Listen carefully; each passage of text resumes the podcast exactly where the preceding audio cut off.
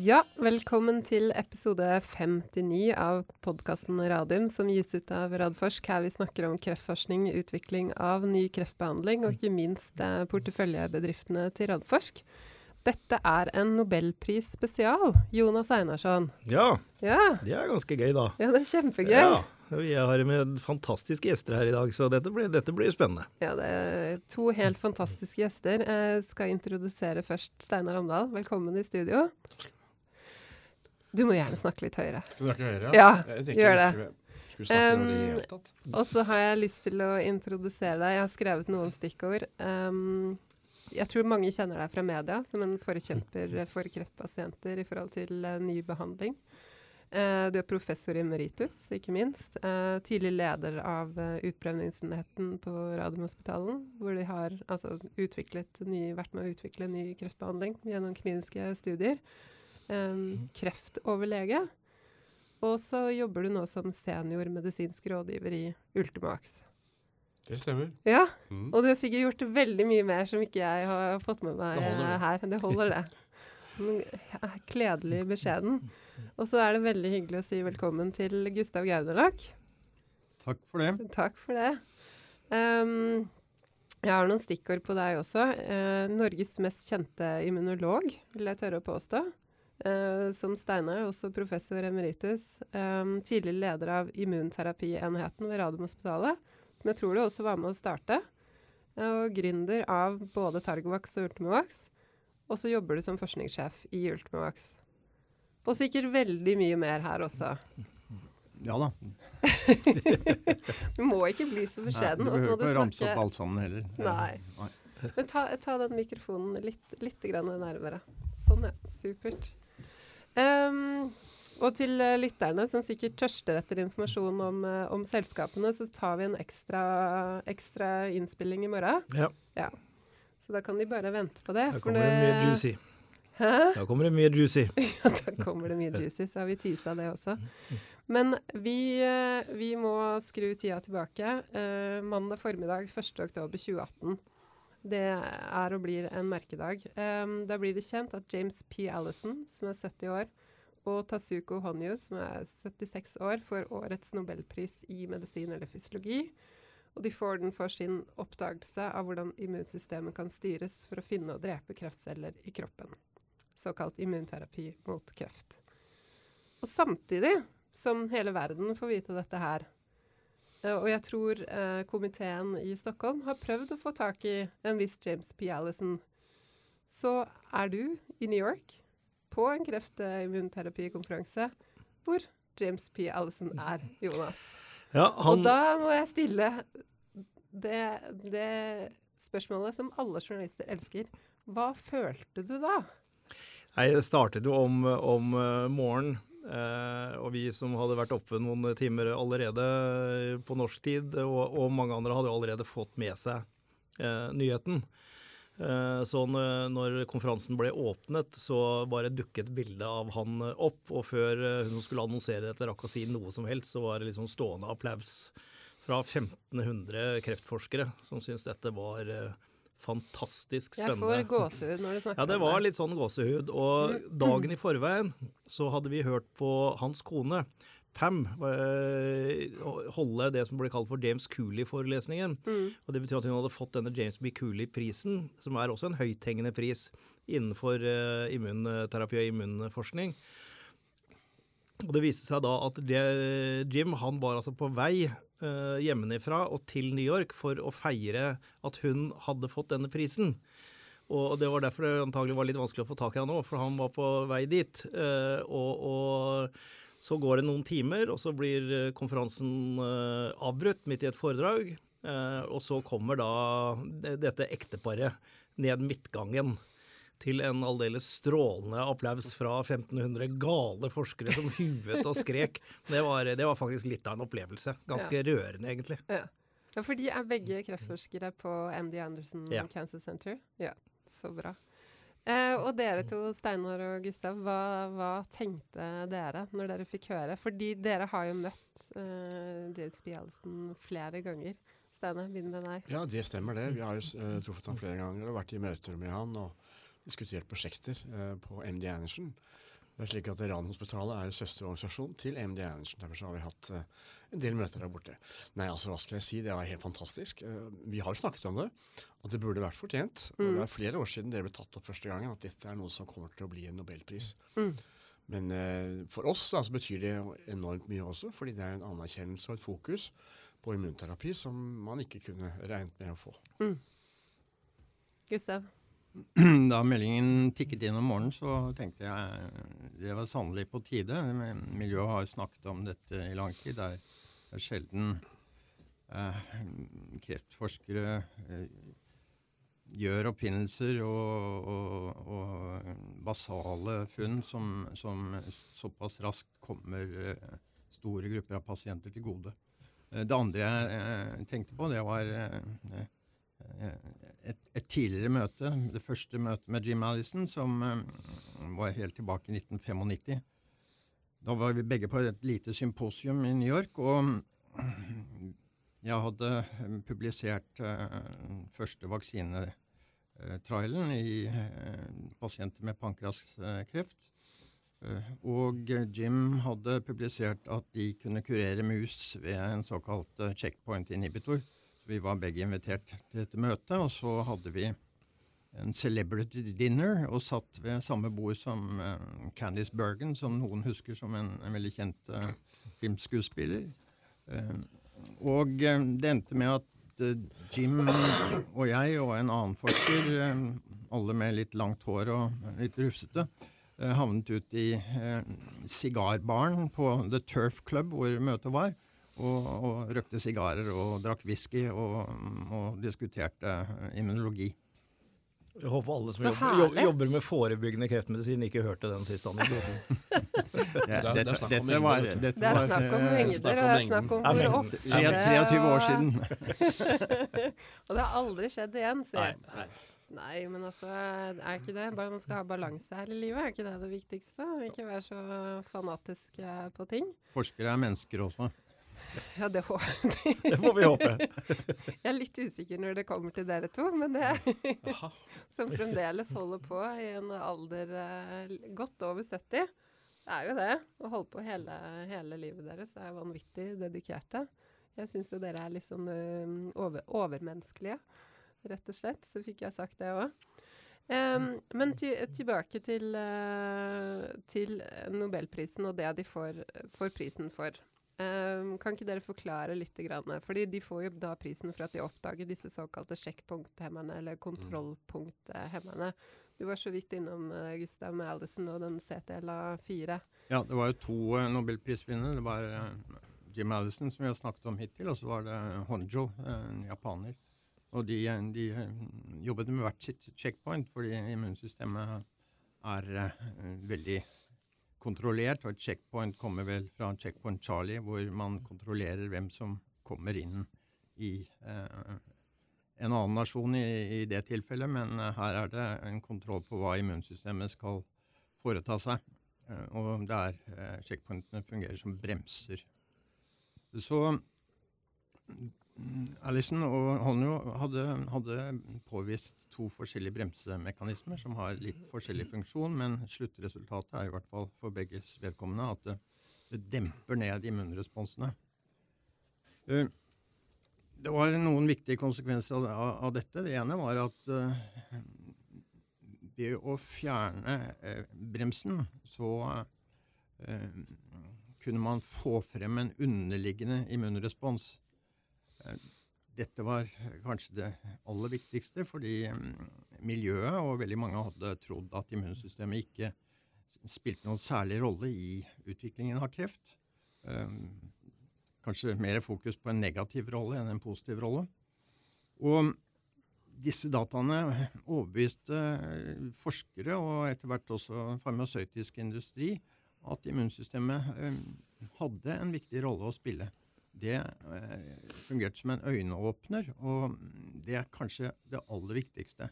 For, det, for dette åpnet veien for eh, en helt ny og rivende utvikling som eh, heldigvis har kommet pasienter med mange forskjellige kreftformer til nytte. Og derfor er Nobelprisen så vel fortjent. Mm. Steinar? Ja, altså Det som eh, jo egentlig Gustav har sagt, er at det, det vi vet, er at kroppen har en reaksjon mot kreftcellene i kroppen. Og det reagerer på flere måter, men det blir altså nedregulert. Uh, og det får ikke gjort jobben som det egentlig ønsket. Så det uh, disse gjorde, disse uh, checkpoint inhibitorene, er jo da å sette egentlig ta bort bremsen, sette immunapparatet fri på en måte, til å gå løs på kreftcellene. Så, så man bruker noe som allerede er der, men lar det komme i, i, med, med, full musikk i angrep på kreftcellene. Og det er jo helt utrolig, og vi har jo erfaring med immunterapi, det er jo ikke noe nytt. Altså 1880 og noen greier med kuli, kuli, Ja, ja. eh, eh, vaksine og sånt noe. Så det er ikke noe nytt. Vi har jo holdt på i mange mange år, og her på sykehuset hos oss har vi jo sammen med Gunnar og, og, og Gustav og hatt eh, enkeltpasienter som har hatt fantastisk effekt av immunterapi, men det var altfor få. Men vi visste jo ikke hvorfor det ikke virket så bra, og det var fordi at immunresponsen, som vi også var med på å forsterke, den ble nedregulert.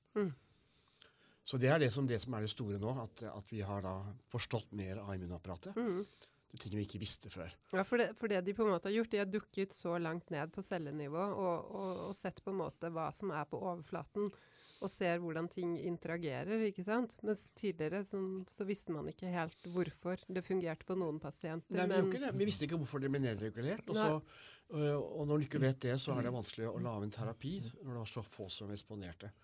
Også i begynnelsen så var det da føflekkreft, da, som var liksom stjernekasus. For det er den tumortypen som er mest immunogen, dvs. Si mest følsom for immunmanipuleringer.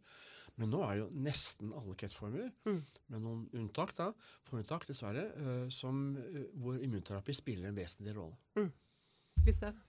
Eh, Ja, det, det som var overbevisende med det eksperimentet som Allison gjorde på mus, og tilsvarende eksperimenter som Honjo gjorde, det var at de hadde en, en musemodell hvor de kunne injisere kreftceller på musene, og alle musene døde. Det var ingen som helst eh, tegn på at de cellene satte i gang immunforsvaret. Eh, Og man har prøvd å vaksinere mot de cellene og ikke fått det til. Eh, Veldig aggressiv form for kreftceller. Men når man da brukte en sånn noe som fjernet bremsene, i dette tilfellet Allisons antistoff, så ble musene kurert. Og det, det betød jo da at, eh, at det var en immunreaksjon, en okkult eh, immunreaksjon, kan man si, eh, som var en spontan reaksjon, for disse var ikke nødvendigvis vaksinert. Og det er jo noe som vi tar med oss i utviklingen av selskapene våre også, fordi vi har jo vaksinert, som Steinar var inne på, i mange forskjellige kliniske utprøvninger og fått noen pasienter som har en veldig, veldig positiv utvikling, noen som blir kurerte, men altfor få. Og vi har klødd oss litt i hodet for hvorfor det ikke virker bedre. Eh, Og vi visste ikke noe om disse checkpointene, eh, disse bremsene, da vi gjorde de tingene for eh, 25 år siden og utover.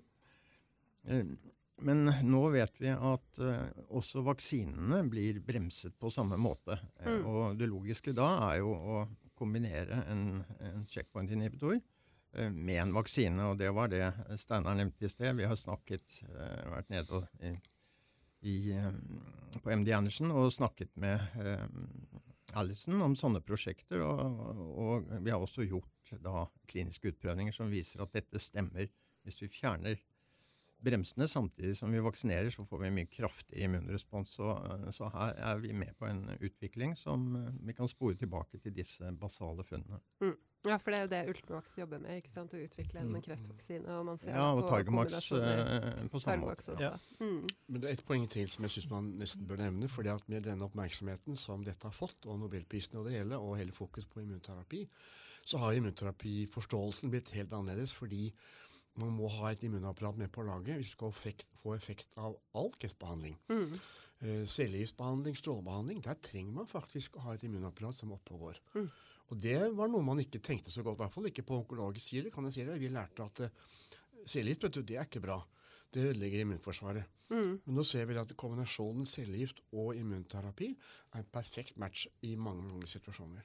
Så immunapparatet har ligget der som en, en, en, hemmelig hånd og, og, eh, og, og gjort eh, gjort noe i det stille. Eh, uten at vi har vært særlig oppmerksom på det. Mm. Men nå kan man frigjøre den hånden og få den til å Mm. vri halsen opp på svulsten, for å si det sånn. Men, men denne, den eh, første checkpoint-inhibitoren ble Altså fikk godkjenning i FD i 2011, tror jeg. Eh, Jerv og ipilimumab. Har du vært med på å altså, gjøre kliniske studier på den i Norge på utbrenningsenheten, Steinar? Ja, i mange studier. Jeg tror Mm. vi har fem, seks, syv studier. Ja. Og vi var veldig tidlig ute også. I hvert fall Mm. sier de som lagde Jervo etter hvert, at vi var en blant de første sentrene som var med på det. Mm. Så vi har hatt mange varianter av, av studier med, med anti-CTLA4. Mm. Og vi har også kjørt en stor studie i Norge uh, med 150 pasienter uh, på, med Ipilumab, altså med medikamentet. Mm. Så vi har lang erfaring uh, med å bruke dette, og vi har bidratt, føler vi, da, til utviklingen av det. Mm. Er ikke, dette, er, er ikke dette også litt, litt spesielt når, når du tenker på tiden det tar fra du sier at i 95 så publiserer Jim Allison at han har kurert noen mus. Og i, når i to, tidlig midten på det første 2000-tallet så, så starter de første kliniske studier, og i 2011 så blir det registrert. Det sier litt om dette paradigmeskiftet i hvordan vi skal utvikle fremtidens kreftlegemidler. For det, det, altså hvis du tenker tilbake på antistofftiden, så tok det jo veldig mye lenger. Altså, dette har gått rekordraskt. Altså. Ja. Eh, og det var fordi man så fantastiske effekter også, som man nesten ikke trodde på det i, i begynnelsen. Mm. Eh, men så viste det seg at i klinikken eh, tilsvarte det. Så da vi kjørte studier, og man kjørte studier rundt omkring i verden, så var jo altså Deltakelsen var jo fantastisk. Det gikk mye fortere å få pasienter inn i studiene enn det man hadde tenkt seg opprinnelig. Men det er verdt å huske på også at, at det har vært litt oppoverbakke for, for den delen av immunterapien. Eh, eh, Ja, fortell litt, eh, litt om det. Fordi immunterapi, sånn som jeg har skjønt det, så har det jo vært en sånn Man har skjønt at det er noe her, men så har det på en måte sånn Har man ikke nødvendigvis fått de kliniske resultatene, altså pasientresultatene, og så har man på en måte gått litt bort fra det igjen. Mens du, Gustav, har jo holdt deg ved din lest, hvis man kan si det sånn. Du har liksom hatt eh, troa hele tida. Eh, Ja, når jeg først sier litt om, om, om checkpoint inhibitorer, da, og de, de ble jo først utviklet av, av eh, små selskaper, eh, og da tar ting mye lengre tid. Eh, og så når de første signalene kom på at dette virkelig var noe som virket, så, mm, så ble det jo kjøpt opp av de store legemiddelgigantene. Mm. Og som kan kjøre da mye større og raskere kliniske trials. Mm, Vi har gjort uh, mye av den forskningen uh, som jeg har stått bak, uh, i, i regi av, av akademia, av, av våre Den utviklingen som vi har kunnet ta innenfor rammen av sykehusbudsjettene, og delvis i, i, i 1995 med hjelp av Hydro, som da hadde lyst til å bli et legemiddelselskap. Men, men det, det, har, eh, det har vært eh, klart en humpete vei frem til eh, kreftvaksiner. Og sånn, sånn er det nok. Men vi har gått videre fordi vi har sett signaler. Vi har hatt pasienter som det har gått bra med, og så har, når vi har analysert hva som har skjedd eh, i de pasientene, så har vi sett at immunapparatet der har blitt aktivert skikkelig, og at du har fått en utvikling av i immunapparatet som, som tyder på at det, eh, vi kan gjøre noe, men vi har ikke, som jeg sa, helt forstått hvorfor det ikke virker i flere. Og nå har vi den muligheten. Mm. Steinar? Har en kommentar. Ja, altså, det har har ikke vært enkelt. Altså, jeg følte jo med lenge vi holdt på med kliniske studier, Gustav og Gunnar og jeg, og at vi var i skyggenes dal. Mm. Fullstendig. Mm. Og jeg husker jeg, de tunge forskere her på huset sa jo det at du må Steinar, du må slutte med det der. Immunterapi kommer aldri til å virke. Det er altfor komplisert. Har du lyst til å si hva var det jeg sa? Nei, jeg, jeg, jeg, kan ikke si, men jeg tror vedkommende vet om det. Men det er ikke så farlig egentlig. Nei. Men det sier litt, da, altså at det var en motstand mot det. Ja. Og det var selvfølgelig også fordi at vi ikke så noe så veldig store effekter, på tross av iherdig innsats. Men eh, vi holdt nå på, da, den gruppen eh, vi tre, i, i mange år. Og nå er vi veldig glad for at det ble sånn det ble. og så den prisen som uh, Jim Allison har fått, den er jo med på å, å hjelpe alle frem som Mm. driver med immunterapi. Mm. kritikerne hadde jo rett i at det er komplisert. Eh, Immunsystemet er, eh, er jo eh, Det er ingenting i livet som er enkelt, er det ikke sånn? Skikkelig komplisert. og eh, I den forbindelse er det interessant å kanskje påpeke at, eh, at eh, når du tar vekk bremsen til immunsystemet, så skjer det ikke bare det at immunsystemet ditt går løs på kreftcellene dine, men eh, eh, det kan få frem en underliggende immunrespons mot eh, friske celler også. og Det kan sikkert Steinar si noe om. Mm. Ja, altså det, Bivirkningene er ganske ja, Da vi kan begynte med store. den behandlingen da her, så måtte vi jo, og vi skulle ha en stor studie i Norge ikke sant, med flere Mm. sentre med. Da måtte vi ha nærmest kurs altså, for å fortelle onkologene Mm. om bivirkningsprofilen. For Mm. den er helt annerledes enn cellegiftbehandling, som jo har som mangel på blodplater og hvite blodlegemer, infeksjoner og sånne ting som det. Men, men her var det noe helt annet. Mm. Her var det egentlig en autoimmunitet-lignende situasjon, hvor immunapparatet gikk litt angrep på egne organer. ikke sant? Mm. Og at man ikke tok det på alvor veldig fort, så, så kunne det gå galt. Mm.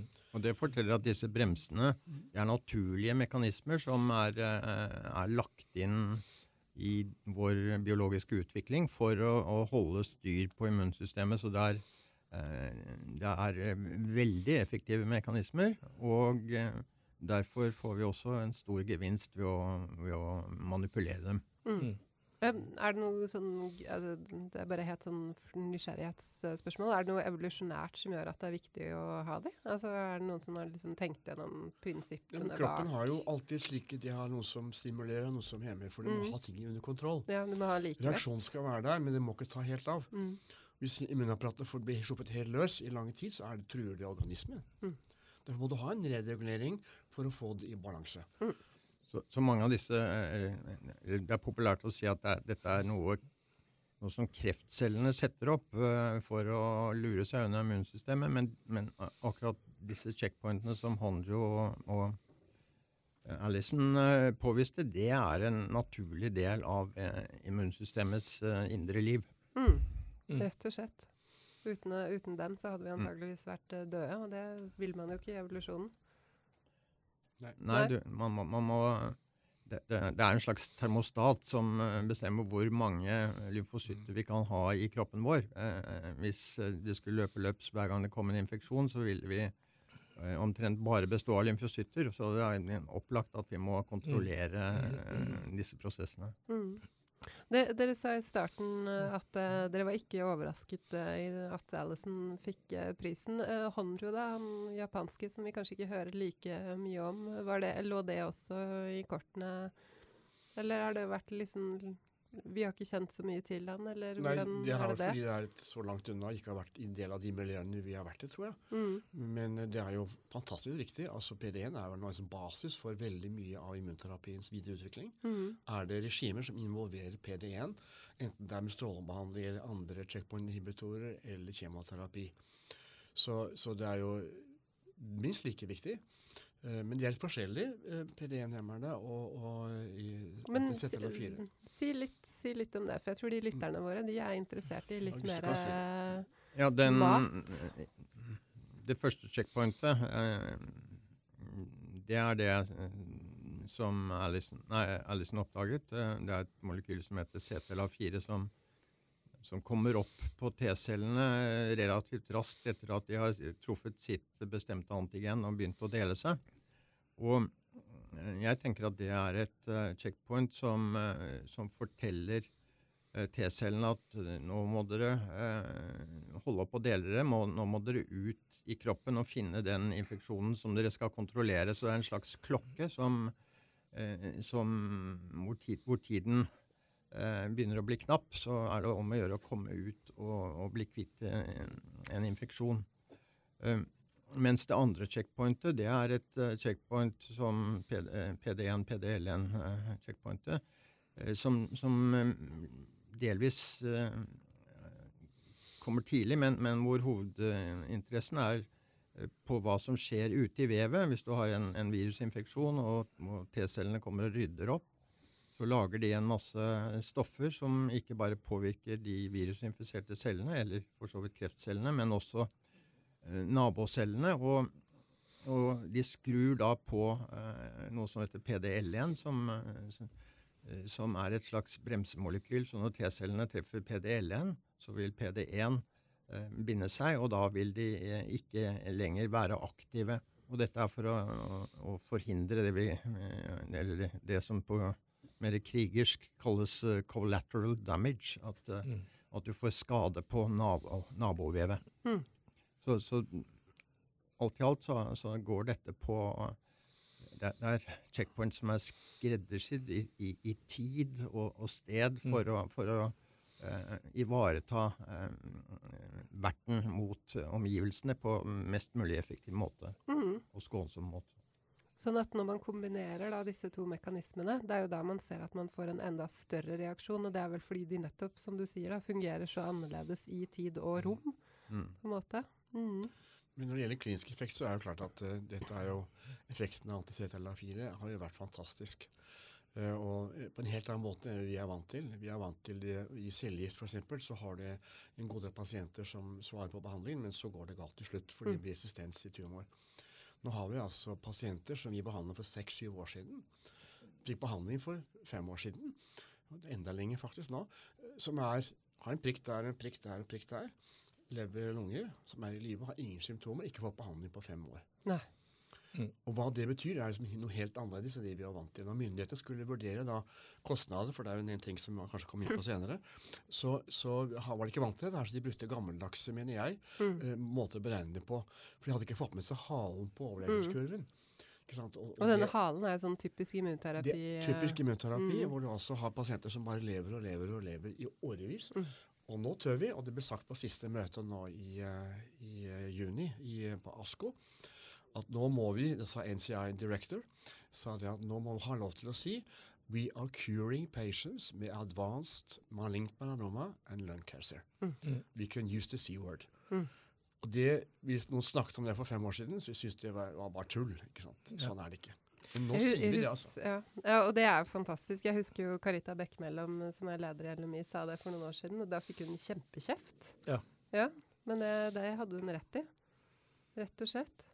Um, Jonas, hva tenker du? Altså, Porteføljen til Radfors den er jo hovedsakelig med selskaper uh, innafor immunterapi.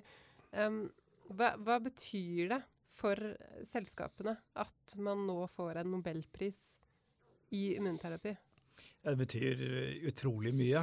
Eh, Vi har jo prøvd å messe. Jeg ble jo frelst av disse to gutta her for eh, 18 år siden, at uh, immunterapi var noe, unnskyld, var noe å satse på. Det går bra. Vi er alle forkjøla her i dag. Så det sånn var eh, faktisk første investeringen jeg var med på i Radforsk, var i det første vaksineselskapet, Uh, som da het Gemax uh, den gangen, og som på en måte Targovax og Ultimovax har, har sprunget ut av.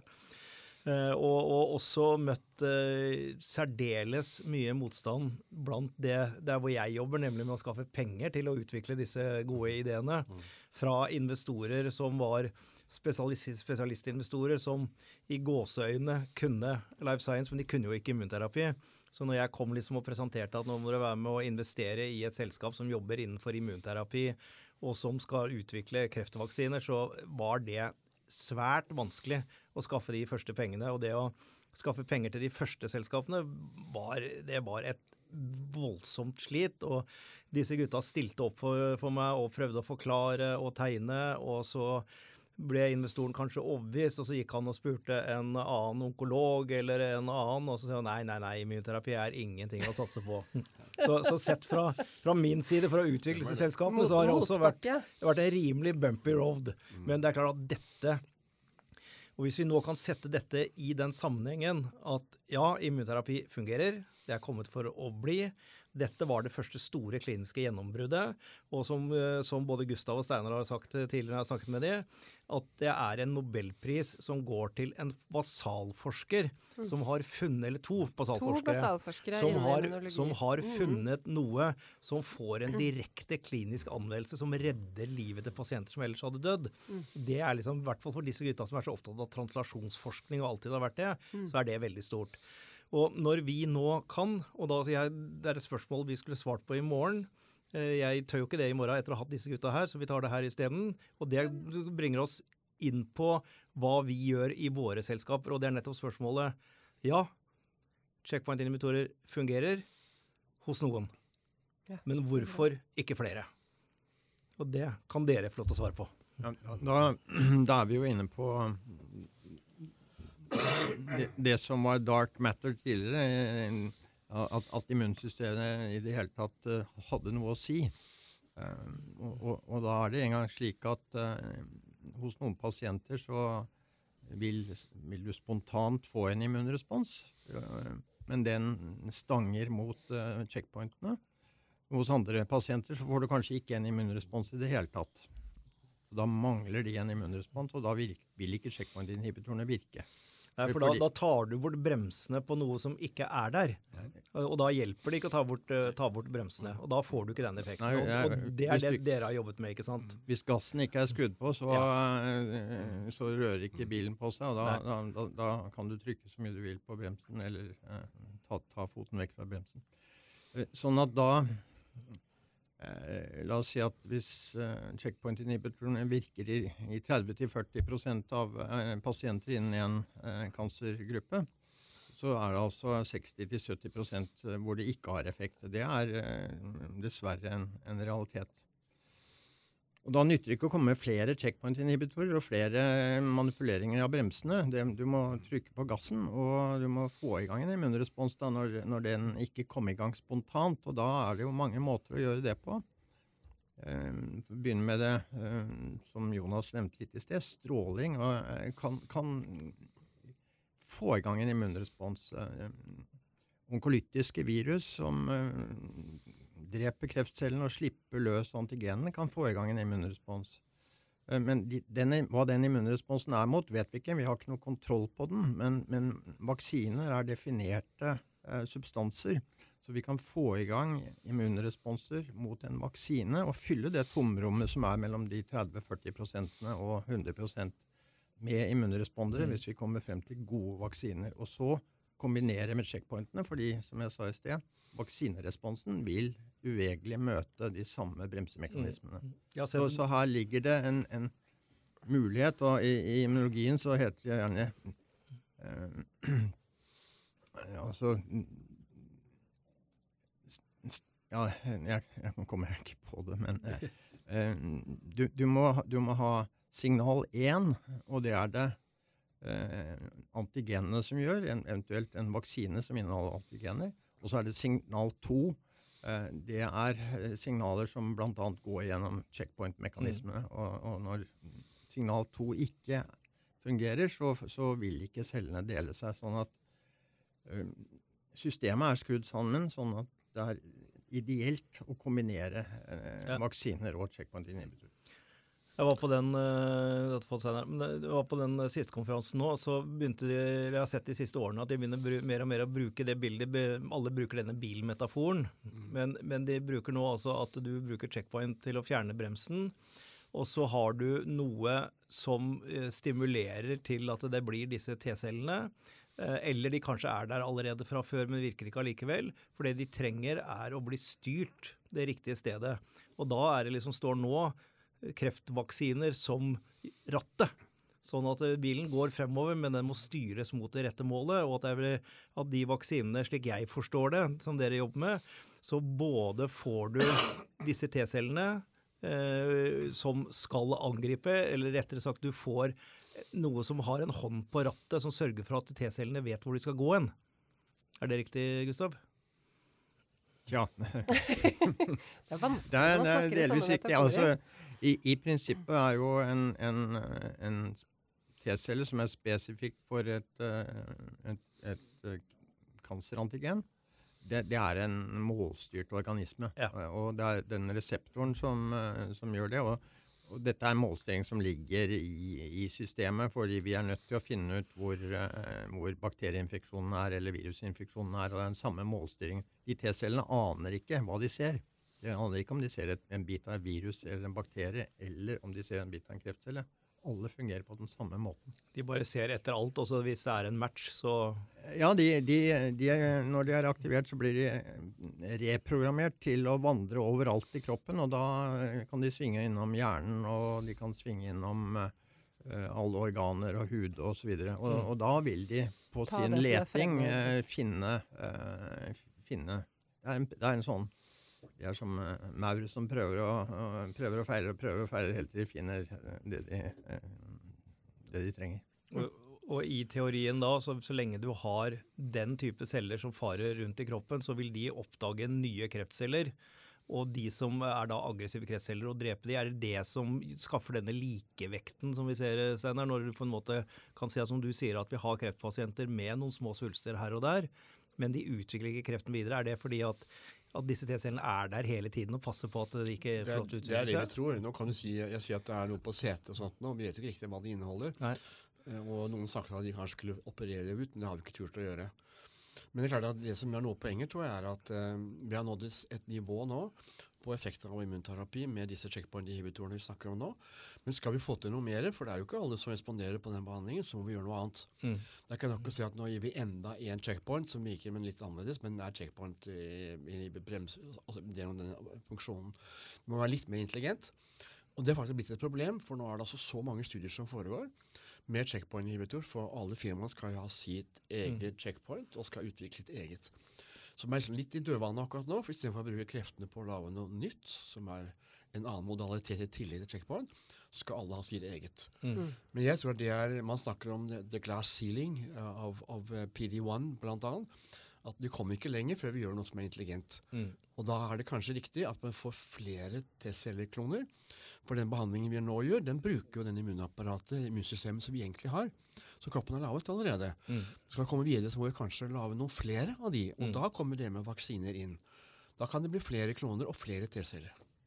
Ja, Det er jo i dag eh, over 2000 kliniske trial som, som kombinerer checkpoint inhibitor, både én og to, eh, med, med, med, en annen checkpoint inhibitor og andre ting som, som, ikke har noe med immunstimulering, men sånn inhibering å gjøre. og Eh, det er, det er, svært få av de 2000 eh, trallene som egentlig er eh, kombinasjoner av vaksiner og mm. uh, checkpoint-inhibitorer. Så de gjør det også rent sånn uh, utviklingsmessig litt vanskelig å finne frem til pasienter. For å, det, er, det er så crowded i, uh, i feltet. Altså det er En nylig artikkel i USA hvor de slo opp det er mangel på pasienter for studier. Mm. Altså, Det er helt omvendt verden, ikke sant? Ja. Fordi det er for mange som foregår. Og kanskje syns jeg en del av de er jo ikke alltid så godt fundert, for de har ikke alltid hatt biologien i bånd. Man trodde en til av det, så ville det bli enda bedre, men det gjør det ikke. Det Nei, og det, litt mer til. Og det, det, så vi jo for eh, ikke så altfor lenge siden, når de, når de eh, kombinerte med, med, en annen type hemmer, mm. Eh, Ido. Mm.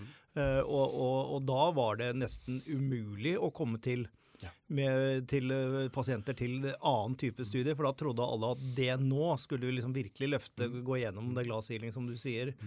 Uh, og så gikk jo ikke det. Det ga, det ga, ingen uh, særlige effekter. Og da tror jeg hele systemet nå er i ferd med å ta et lite skritt tilbake, som du sier, og så si at ok, kombinere enda mer og mer på den siden. Kanskje ikke det er veien å gå. Uh, vi har nådd, som du sier, nådd taket der, og da er det kanskje der åpningen kommer for de selskapene som jobber på den siden, som Ultimax, Targovax ja. eh, og Vaxibody og andre gjør. Vi tror det. Mm. Mm. Det er spennende da, å være midt, eh, midt oppi eh, noe sånt nå. For dere har jo jobbet med dette her også altså lenge.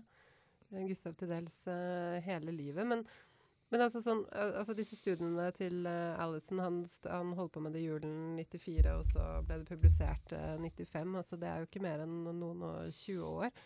Altså, hvor, hva kommer vi til å tenke om dette her hvis vi går 10-20 år fram i tid?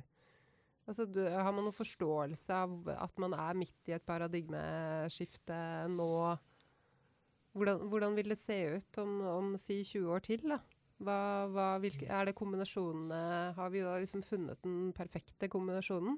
Enkelte av oss er jo så gamle at vi eh, sannsynligvis ikke eh, får det med oss. Men, uh, men det er derfor vi, vi syns det er gøy å gjøre noe nå mens vi ennå kan. Nei, jeg tror det er, det er veldig vanskelig å, å, å, å se 10 eller 20 år fremover. Det, det, klarer ikke jeg. Men at kreftbehandlingen da vil være annerledes, og at resultatene vil være veldig gode, det er jeg ikke i tvil om. Nei. Det er jeg helt enig i. Og, men klart at det kan jo komme en situasjon hvor vi går inn for mer prevention. Eller får innslag av forebygging, forebygging rett og slett. Uh, som jo egentlig ikke har vært så veldig mye fokus på, for det er jo mm. også vanskelige studier og tar lang tid osv. Men vi har heller ikke hatt noen gode, gode medikamenter å bruke på det.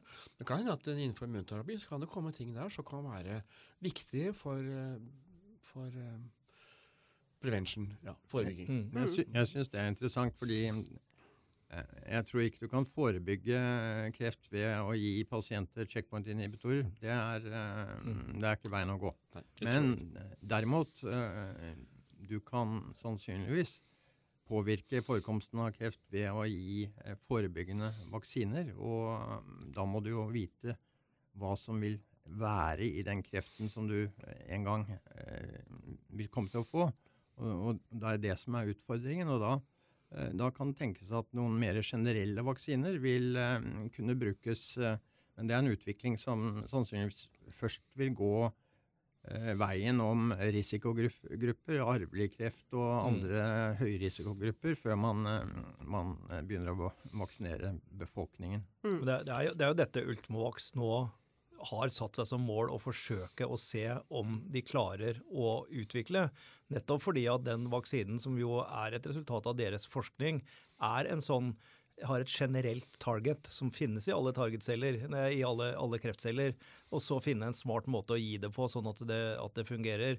Og så skal ikke jeg skryte det opp og si at dette er noe som ligger rett rundt svingen, for dette er et langt, langt stykke arbeid. Men, men, men det er Vi håper jo at fra å behandle de aller sykeste, som ikke har noen annen behandling, har vært igjennom en masse andre behandlinger med mye bivirkninger, så håper vi å flytte denne behandlingen nærmere og nærmere utspringet, og kanskje helt til slutt til, til forebygging. Så bare Elisabeth, til deg med med når du spør om vi liksom vet at vi er i et paradigmeskifte. Mm. Ja, jeg tror at det nå er i ferd med å sunket inn? Jeg tror det har sunket inn at det er, et, er virkelig for en gangs skyld riktig å bruke ordet paradigmeskifte. Fordi vi må huske på hvordan er det vi har behandlet kreft tidligere. Jo, vi har enten skåret de vekk, eller så har vi bestrålt de for å drepe kreftcellene, eller så hadde vi gitt de gift. Så er det om å gjøre å gjøre minst mulig, eller i hvert fall ikke ta livet av pasienten, men ta livet av mest mulig kreftceller. Men denne gangen så er det altså egentlig ikke kreften vi går mot. Vi går mot å hjelpe immunsystemet i mennesket, og det er for meg så er det paradigmeskiftet. Du har jo jobbet i klinikken i alle år. jeg, jeg er jo ikke i tvil om det, men altså, vi har fått et fjerde ben å stå på. Ja. Kirurgi, eh, strålebehandling og eh, cytostatika, målrettet behandling av annen art. Og så har vi fått da immunterapi. Ja.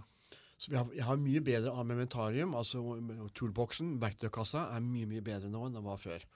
Og det er et paradigmeskifte. Ja. Men ingenting av disse tre kommer til å bli borte, tror du? Nei, altså Nei. Noen trodde jo da at uh, når eh, immunterapien kom, så sa noen til oss at ja, da kan du liksom glemme strålebehandling og, og kjemoterapi og sånt. Nå, men det er jo ikke sant. Nei. For De trodde at de ville ødelegge effekten av immunterapi, men sånn er det ikke. De virker bra sammen, fordi at kreft, altså cytostatika de dreper celler, ja, men de dreper på en måte som er immunogent, altså som stimulerer immunapparatet.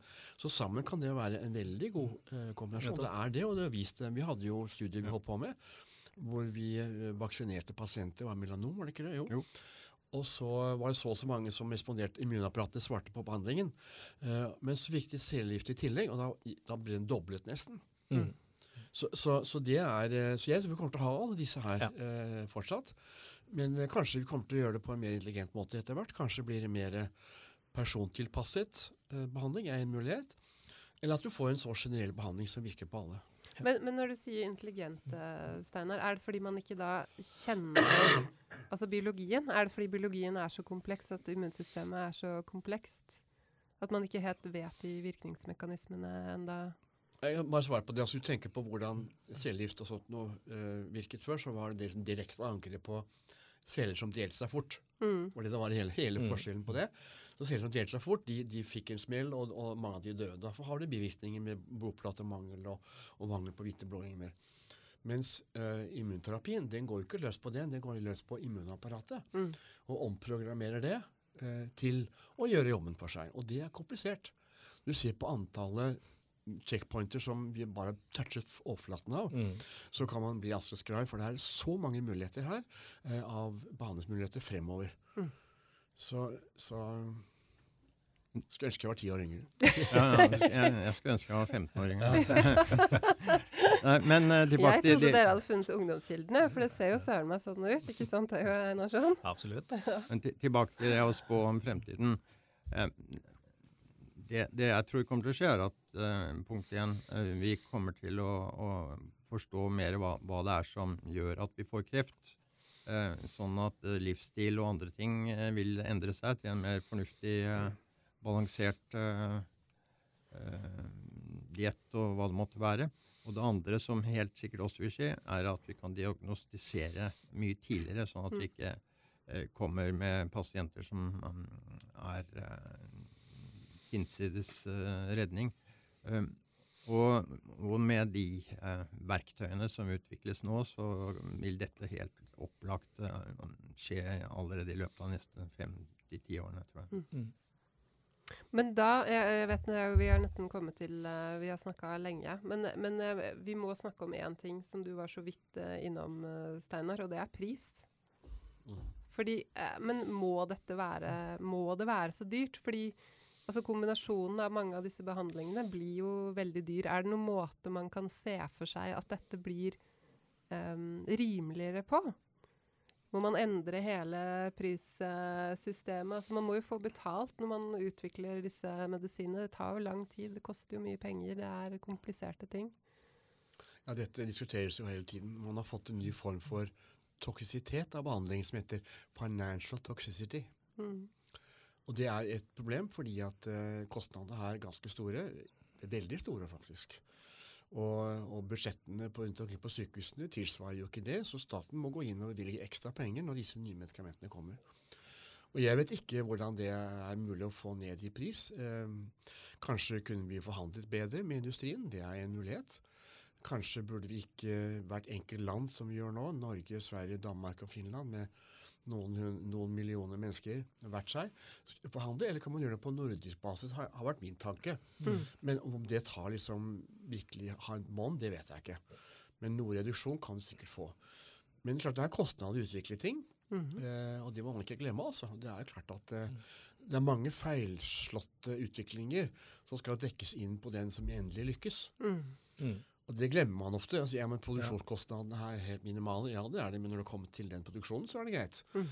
Men alt det som ligger foran Da har du kanskje 90% som er feil? Ja, nemlig. ikke sant? Mm. Og, og, det å prøve ut medisin er jo nesten en million per pasient, er det ikke det, i studier? Jo, tommelfingerregelen er eh, at det koster selskapene én ja. million per pasient. Og vi ser nå Det er klart at studiene tar kortere tid med immunterapi, og de er mindre enn en det som var tidligere. Men det er ikke bare sånn at, at selv om f.eks. Jervøy eller andre, vår, vår, lokale Algeta, får så gode resultater at de får en markedsføringstillatelse, så blir det selskapet allikevel pålagt å fullføre en full blown randomisert fase 3-studie. Eller kanskje ikke randomisert, at de tar bort den, den, armen, men kanskje det må bli 1000 pasienter allikevel. Og gang det med en million så har du en ganske høy kostnad for den. Så, så det er helt riktig. Industrien bør ta inn over seg etter min mening at ting går fortere og studiene er mindre enn tidligere. Det bør gjenspeile seg i prisen. Det kan være et press eh, på de. Men samtidig så må også myndighetene ta inn over seg at det fortsatt koster svært mye penger å gjøre dette her. Og hvis ikke det er en litt sånn samfunnskontrakt mellom industri og akademi, Altså, og det starter med at myndighetene spytter inn et hav av penger i basalforskningen til Gustav Gaudnak og til Jim Allison for å komme opp med de oppfinnelsene som kan utvikles videre. Men da vil ikke myndighetene være med lenger. Da må vi sånn som oss ut og begynne å hente inn disse pengene. Få inn Big Pharma etter hvert. Få folk til å investere milliarder av kroner i å utvikle noe. Og, men da må samfunnskontrakten gjelde på begge sider når den kommer ferdig, så må myndighetene finne en løsning og ta det i bruk og betale for det. For hvis ikke så, blir, så blir ikke dette systemet bærekraftig lenger. En, en, faktor som kan kanskje være gunstig, er jo det at det er så veldig mange selskaper som uh, utvikler uh, den samme typen checkpoint inhibitor, sånn at du, man kan få en konkurranse som vil drive prisene litt ned. For det er egentlig urimelig at uh, det koster like mye å behandle en pasient med et, eh, et drug som er utprøvet, som det koster å prøve ut eh, per pasient. Altså mm. når, når, behandlingen koster en million, og, og, og det, det, koster tilsvarende å, å, prøve ut noe, så, så, skal de pengene være tjent inn relativt raskt. Og det tror jeg også de er hos de store firmaene. Ja, altså det, er, det er også andre ting som betyr noe. Hvordan blir prisene fastsatt? Og eh, veldig mye kommer jo via USA, hvor altså eh, de eh, Medicare har ikke mulighet til å forhandle pris med industrien. Ja. Industrien kan si at det vil vi ha, og så blir det den prisen. Og den prisen som er da i USA, har rett for å smitte over i stor grad til europeiske forhold. Eh, nå prøver kanskje amerikanerne å gjøre noe med, for da prøvde de med forrige presidenten, men nåværende vet jeg ikke. Eh, men det er klart at det er et crux, altså at amerikansk helsevesen er så ekstremt dyrt, og jeg tror de er nødt til å gjøre noe med å få kontroll over det. Er det, Det kan- fordi det er, er, altså er privat, og at det mye er forsikringsbasert? Er det derfor det er Ja, så det mye er dyrere? forsikringsbasert. Altså, Ja. Du ser på altså, Nå snakker vi om helt andre ting, da. Ja, ja, Men altså, ja, det er helsevesenet i USA er jo, er jo business. Mm. Og det er altså tusenvis av sånne forsikringsselskaper som er involvert i å betale for behandling til den enkelte pasient. Mm. Og de har sine egne kontorer, sine egne folk, alt mulig rart. Og det er ekstremt ineffektivt på veldig, veldig mange måter. Og, og da blir det lett eh, kostnadsdrivende, alt det de gjør. Mm. Og jeg tror han burde gjort det mye enklere. Mm.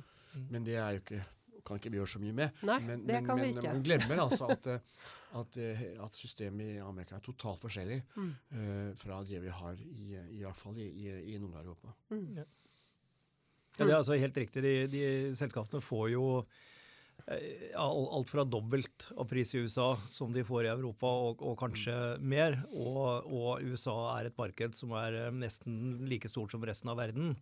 Eh, og Norge er en bitte liten borte eh, i, i forhold til det europeiske markedet i tillegg. Og du kan jo tenke deg da var, hvor interessen for et selskap som har utviklet et nytt legemiddel er. Og det er å gå all in for å få komme inn på det amerikanske markedet. Og det er rent fortjenestemessig, og det, sånn er denne verden.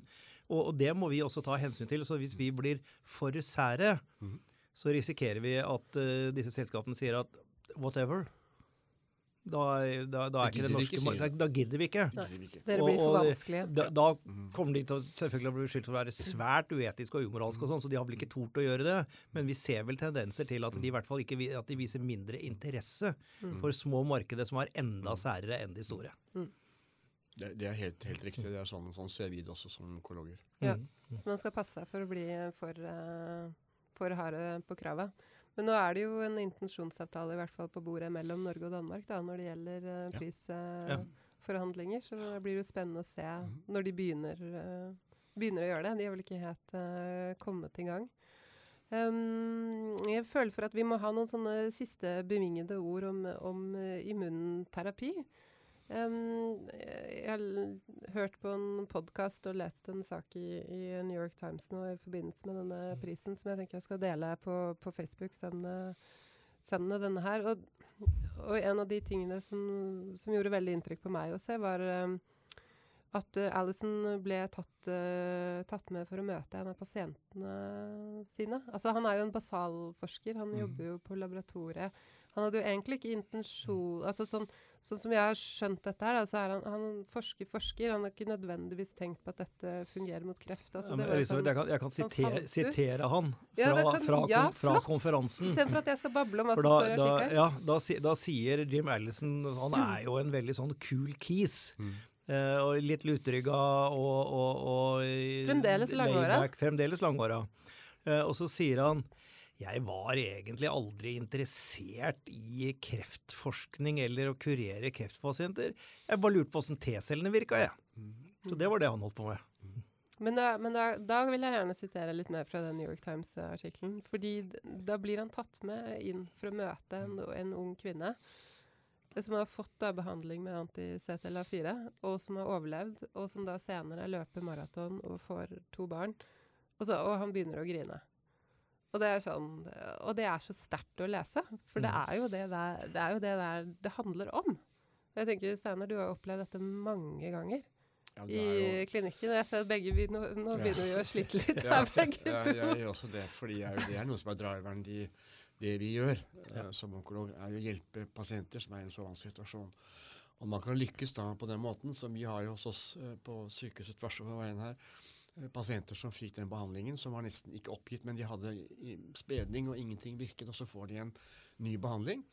Og det kom da lenge før det ble godkjent, for det er det som er forskjellen på å være med i kliniske studier. Da kan du få tilgang på en terapi kanskje fem-seks år før den kommer på markedet. Og kreftpasienter kan jo ikke vente. Når du da ser den pasienten som fikk behandling for så mange år siden, og som er helt uten symptomer, så kan man nesten uh, begynne å grine. Mm. For, forutsetningen for at, eh, at, man skal komme så langt at man kan behandle pasienter, er jo at man, man, eh, man forsker og, og, finner noe som er nytt, og noe som er spennende. og eh, Man behøver ikke ha en intensjon om å kurere kreft for å være kreftforsker, men i immunologi så er det faktisk sånn at det er, det er relativt kort vei fra, fra, det man finner i forsøksdyr, og til og prøvde ut på pasienter. Fordi eh, immunologi er, eh, er, knyttet til eh, pasientbehandling, vaksiner, og dermed så behøver ikke forskerne tenke seg så veldig mye om som eh, hvis man drev med en eller annen obskur signalmekanisme. Mm. Jeg, jeg er enig. altså jeg vil bare si at Det er jo det som har vært vår styrke da, eh, her på institusjonen. er At den veien som var fra laboratoriet til pasienter, har vært ekstremt kort. Ja. Og det har mange påpekt også uten, utenfor huset, at det har vært veldig godt. Det kommer selvfølgelig av samarbeidet mellom uh, folk som uh, syns at det fungerer bra. Mm. Og det er noe man kan legge på minnet også. At man, det er greit at man har samarbeidspartnere, men de må ville, og de må gå bra sammen. Ja, ja det er, det, det, det er, en forsker kan ikke ta, ta ting til eh, klinikk. Eh, det, det er teamarbeidet. Og eh, hvis du skal ta det videre til, til markedet, så er det enda større og mer kompliserte team som man må bygge opp i et selskap. og, man lærer hele tiden og, og får respekt for andre typer kompetanse. Og, og dette er jo det som gjør det morsomt for sånne som meg å, å være med fortsatt, og, mm. og, og, har vært med hele veien. Mm. Jeg tror vi avslutter med å si tusen takk for innsatsen deres så langt. Og jeg tenker det er ikke siste gang dere kommer i studio for å snakke om noe morsomt uh, innenfor immunterapi eller, eller uh, kreftvaksine. Gleder oss til å se framtida for uh, Ultimovax uh, og også mange av de andre selskapene som du har vært med å starte, Gustav. Du har sikkert rett. Jeg syns uh, vi må avslutte med at disse gutta må, må, må, love at det første intervjuet de gir når de får uh, nobelprisen, det er til oss. Ja, ikke sant. Det vil vi ha skriftlig. ja vel. Takk for i dag. Takk for i dag. Takk, takk.